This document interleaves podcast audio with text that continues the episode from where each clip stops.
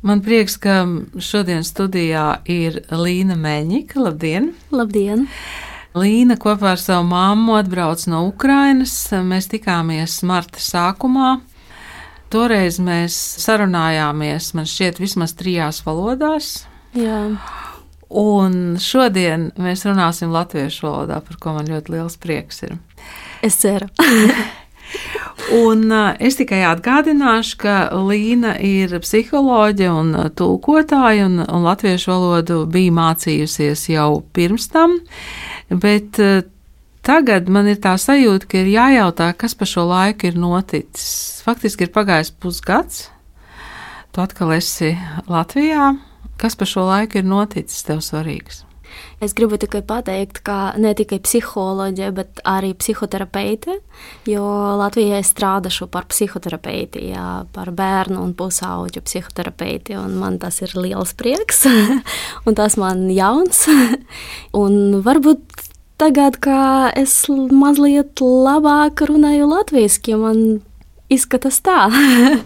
Man liekas, ka es labāk runāju latviešu, bet es, es nezinu. Priekš pašas tā valodas izjūta ir mainījusies tagad. Nu, tā valoda ir kļuvusi brīvāka, bagātāka. Kas ir noticis ar tavu latviešu valodu? Man Vēnspēlī bija lieliska skolotāja, latviešu valodas skolotāja, un mums bija tas intensīvs.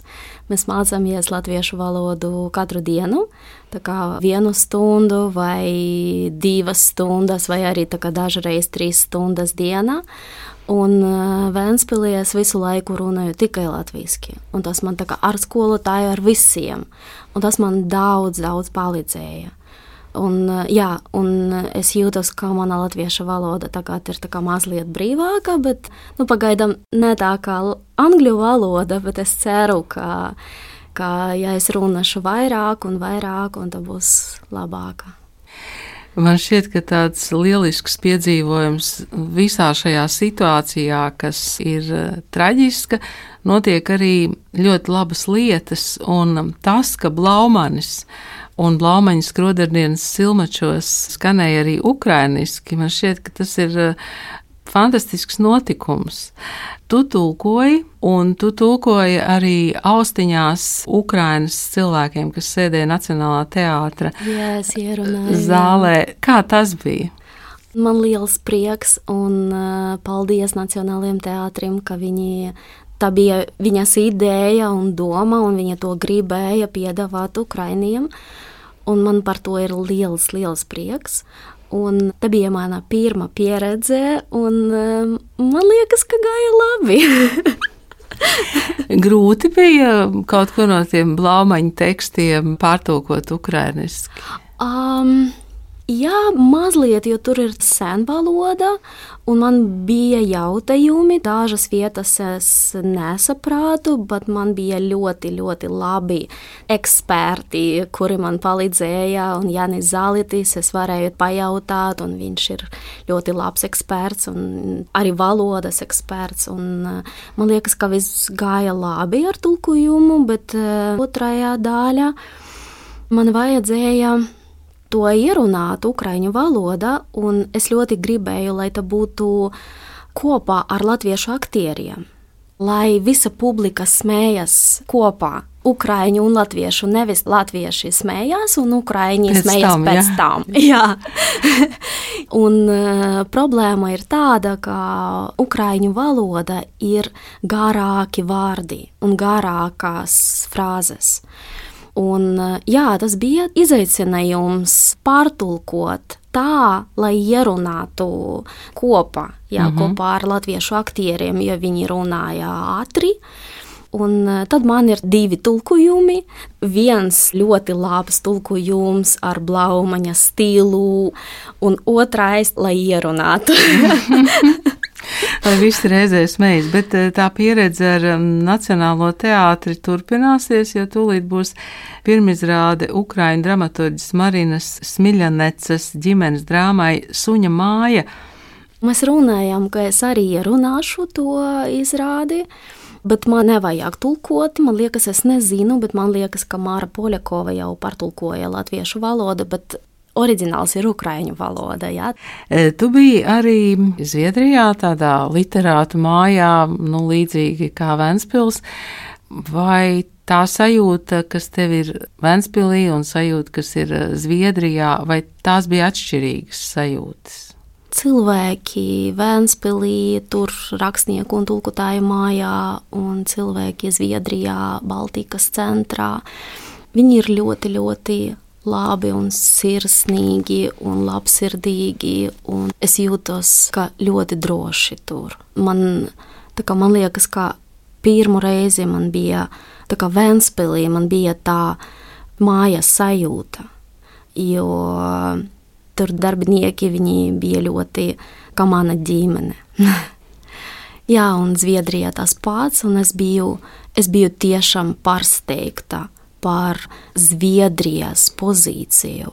Es runāju par oficiālu pozīciju, jā, oficiāla Zviedrijas pozīciju, un es runāju par cilvēkiem, par Zviedriem, kuri ļoti, ļoti atbalsta Ukrainu un Ukrainiem un bēgļus. Un es biju ļoti labi pārsteigta par to, jo es domāju par viņas pozīciju Otrajā pasaules kara laikā. Ja. Un, uh, tagad tas ir pilnīgi, viņas pozīcija ir pilnīgi skaidra. Un Zviedrija ir ļoti sirsnīgi, pret mani sirsnīgi, atklāti. Viņa ļoti, ļoti atbalstīja. Es arī tur jutījos, ka mājās, un es sāku rakstīt. Nu, tas man ir ļoti prieks. Rakstīt, prieks. tas nozīmē nevis tulkot, bet rakstīt. Bet rakstīt pati. Jā, es pirms kara sākumā, 2014. gadā, es rakstīju pati stāstus un tā. Un Zviedrijā es satiku vienu ļoti jauku rakstnieci. Viņa ir zviedriete Kristiāna Falkenlanda. Mēs daudz runājām, un viņa mani jautāja, un viņa arī pasniedzēja radošu rakstīšanu. Ja, viņa man jautāja, par ko tu rakstīji, un kādas tev ir idejas. Eh, mēs par to runājām. Es, es vienkārši viņai pastāstīju, ka nu, man ir idejas, bet es nevaru atrast vārdus. Vienkārši nevaru pēc kara sākuma. Jā, viņa, es nezinu, vai viņa ir atradusi kādus vārdus, vai vienkārši mani iedvesmoja Jo viņa man teica, ka tev jāraksta, tev jāraksta tālāk, tev ir ļoti labas idejas, tev jārunā par to. Jā, un es nu, kaut kā, es nezinu kā, bet es sāku rakstīt, un tagad es ļoti skaidri redzu to ceļu, kā, ko es gribu pateikt un kā es gribu pateikt, un man ir liels prieks par to. Es esmu atradusi savu daļu, jā, savu, savu balsi. Faktiski. Savu balsi, jā, varbūt. Jā. Jūs um, ar māmu atbraucāt no Viņicas, un um, toreiz um, jūs ļoti emocionāli stāstījāt to, kāpēc jūs braucāt, ka mammai bija problēmas ar sirdi, un, uh, un ka jūs faktiski no pagraba iznācāt ar, ar to, kas bija ar tām mantām. Uh, Tagad ir laiks pagājis, un um, tajā brīdī Viņicā varbūt nebija tik traģiski notikumi, bet um, tad, kad bija pa īstam ļoti traģiski notikumi Viņicā, es iedomājos par jums, vai tas, kas tur notika, skāra arī jums pazīstams cilvēks. Jā. Jā, man, man tur gāja boja pāziņi, un man tas bija ļoti, ļoti sapīgi. Un es biju tajā visa laika, es biju Zviedrijā. Uh, un es jūtos pilnīgi pavisam salauzta. Tas man arī tagad ļoti grūti par to runāt. Jā. Kā jūsu mamma dzīvo šeit, Latvijā? Mama dzīvo labi, man liekas, ka jau labāk, jo es esmu ļoti priecīga, ka viņai ir tagad uh, savi draugi Latvijā. Un mēs svētdien, pagājušajā svētdienā, jā, mēs braucam, tad mammas draugi uzaicināja nu, ciemos. Agrāk es nezināju Nepazin, tādus ja? cilvēkus, mm -hmm. ja nepazinu.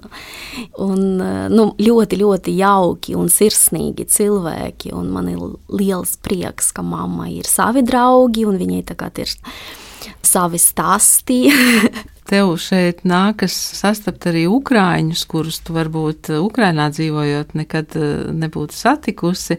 Tu man stāstīji par um, tutas lietām ukrāņu valodā. Jā. Tas arī ir interesants stāsts. Izstāst, lūdzu. Kad bija filmēšana, tutas lietas, un es tur biju kā, kā es nezinu, kā, kā psihoterapeite, kā valodas konsultante, un uh, mēs tikamies ar eh, vienu Ukrainas aktrīsi un eh, dziedātāju Līdiju Baranova.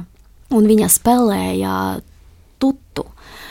Un, uh, Tur bija dažas problēmas, un mēs to risinājām kopā, jo nebija labs tulkojums. Jā, dabūja vārdus spēlēt divas minūtes pirms filmēšanās, un viņa bija ļoti liels stress. Jā, mēs sadraudzējamies, jā, un kad es atbraucu no Zviedrijas, mēs rakstījām Facebook, un mēs pieņēmām lēmumu satikties, un viņa bija ar meitu, un Laura ir četri gadi, ir ļoti, ļoti jauka meitenīte. Īstā tutas publika. Jā, īstas tutas publika, jā, jā, jā, pareizi, mhm. tieši tā. Nu jā, droši vien, ka tutas lietas tagad eh, sasniegs arī ukraiņu bērnus, bet um, toreiz, kad mēs tikāmies pirmo reizi, mēs runājām par ļoti sarežģītām lietām, par tiem um, psiholoģiskajiem mehānismiem, ar kuriem uh, Krievija cenšas Ukraiņus padarīt par ienaidniekiem. Kas tagad notiek, vai tagad uh, tiek darbināti citi mehānismi? Es domāju, ka tagad ir, kā es to redzu, ir tādas divas propagandas. Viena ir Kisiļovs un Skabieva, ja ļoti atklāta, ļoti tādā trakā, es varētu tā teikt, jā, es nebaidos tā teikt, ka viņi paši sevi nogalina un tā, jā, un visi zina, jā, par to, un tā ir ļoti, ļoti, to var redzēt, ka tā ir propaganda. Bet es varētu teikt, ka ir ļoti, tā kā vēl ir viena propaganda, bet to ļoti grūti redzēt un saprast. Es to saucu, jā, par zem ādas propaganda. Nu, to nevar redzēt. To Kaut kas slēpts, ja? Jā, jā, jā. Piemēram, Krievi saka, ka mēs neesam vainīgi, mēs paši esam upuri. Un viņi to grib atrast savu pozīciju kaut kur nu, tādā pati līmenī kā Ukraiņi. Un tas ir pilnīgi nepareizi. Jo mēs runāsim par tiesību, bet kurš maksās reparācijas, ja neviens nav vainīgs. Ja? Piemēram, kādi literatūras festivāli, ja, un uh, tikšanās, un tā ievelk, ievelk, jā, jā. ievelk Ukraiņus runāt par Krievu kultūru. Un visi jautā, nu kā jūs domājat par Dostojevsku, par Čaikovsku un tā, ja? Es vispār par viņiem nedomāju tagad, ja? Es domāju, Ukrainas rakstnieki jā, un tulkotāji, kādas festivālas viņi ir piespiedusi runāt par krievu kultūru, nevis par ukrainu kultūru. Kāpēc mēs nerunājam te par Linu Kostenko, kāpēc mēs nerunājam te par Mikolu Kulišā? Kurš Latvijā zina par tādam jaukam, ļoti jaukam rakstniekam, jā? kurš var stāstīt Latvijā par Ukrainas kultūru? Nevis varbūt Taras Ševčenko un Lēsa Ukrainka, ja? dziļāk, plašāk. Kāpēc mēs par to nerunājam? Kāpēc mēs turpinājam runāt par Dostojevsku? Es negribu teikt, ka viņš ir slikts rakstnieks, bet visi par to zina, vai, vai neiet tālāk. Ja? Kāpēc nē? Un man liekas, ka tā ir ārī propaganda. Bet to grūti, to ļoti grūti var redzēt. Un, uh, Ukrainas rakstnieki un tulkotāji viņa visu laiku tāda pozīcijā, ka viņiem jāaizstāvas. Jā, aizstāv, jāaizstāv. jāaizstāv jā. Un, un man liekas, ka tas ir pilnīgi nepareizi. Tu to esi sajutusi, ja? Jā. Un tas bija arī, tas bija arī, es dabūju to ļoti stipru sajūtu, kad es biju Zviedrijā. Apzināti mainīt akcentus, ja? Jā. Mm. Un pēc kad mēs uzvarēsim kārā, un pēc tribunāls, jā, un pēc reparācijas, jā, tad mēs varam atgriezties un parunāt par to. Bet tagad man liekas, ka tas nav pareiza diskusija. Jā, viņi nogalināja daudz, daudz mūsu rakstniekus un jaukus tulkotājus. Es runāju par padomju mašīnu, Stalinas represijas, bet mēs turpinājām par viņiem nerunāt. Un tas manī ļoti sāp. Man tas ir ļoti sapīgi. Saki, lūdzu, kāds būs tavs darbs, kur tu tagad sāks Latvijā? Tu teici, tas būs psihoterapijā. Jā. Jā, es strādāšu. Man ir liels prieks par to, jo tā ir mana profesija, jā, un es 15 gadu strādāju Ukrajinā. Jā, un uh, man ir liels prieks, ka es to varu turpināt darīt Latvijā, jo es to maku.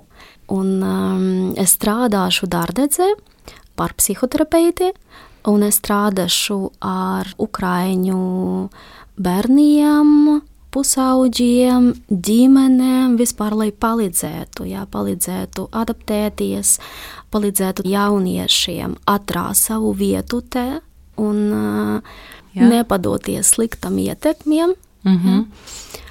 Un es esmu ļoti priecīga, ka man būs latviešu kolektīvs, un man liekas, ka tas ir ļoti jauks un silts, un man vienkārši patīk tur atnākt. Un, jā, rīt būs mana pirmā darba diena, bet man jau bija viena konsultācija, un es esmu ļoti, ļoti priecājos par to. Bet tas nebūs vienkārši darbs. Jā, bet, bet man ir sajūta, ka, jā, ka es to varu darīt, es to māku darīt. Jā, Līna, paldies! Ďakuju! Tas ir, tas ir tas vārds, kuru es atcerējos no mūsu pirmās tikšanās. Un eh, es ceru, ka mums būs citas sarunas, jaunas sarunas, tiešām jau dziļāk par ukrāņu literatūru, par ukrāņu kultūru un viss, kas notiek tagad, bez visām pārējām sajūtām iedod arī impulsu vienkārši uzzināt kaut ko, jo mēs tik maz ko zinājām par Ukrajinu, un droši vien, ka jūs arī par Latviju tagad uzzināsiet vairāk. Tieši tā. Paldies! Paldies es... jums par sirsnīgu sarunu! Paldies! Mūsu studijā bija psiholoģija, psihoterapeita un tulkotāja Līna Meļņika.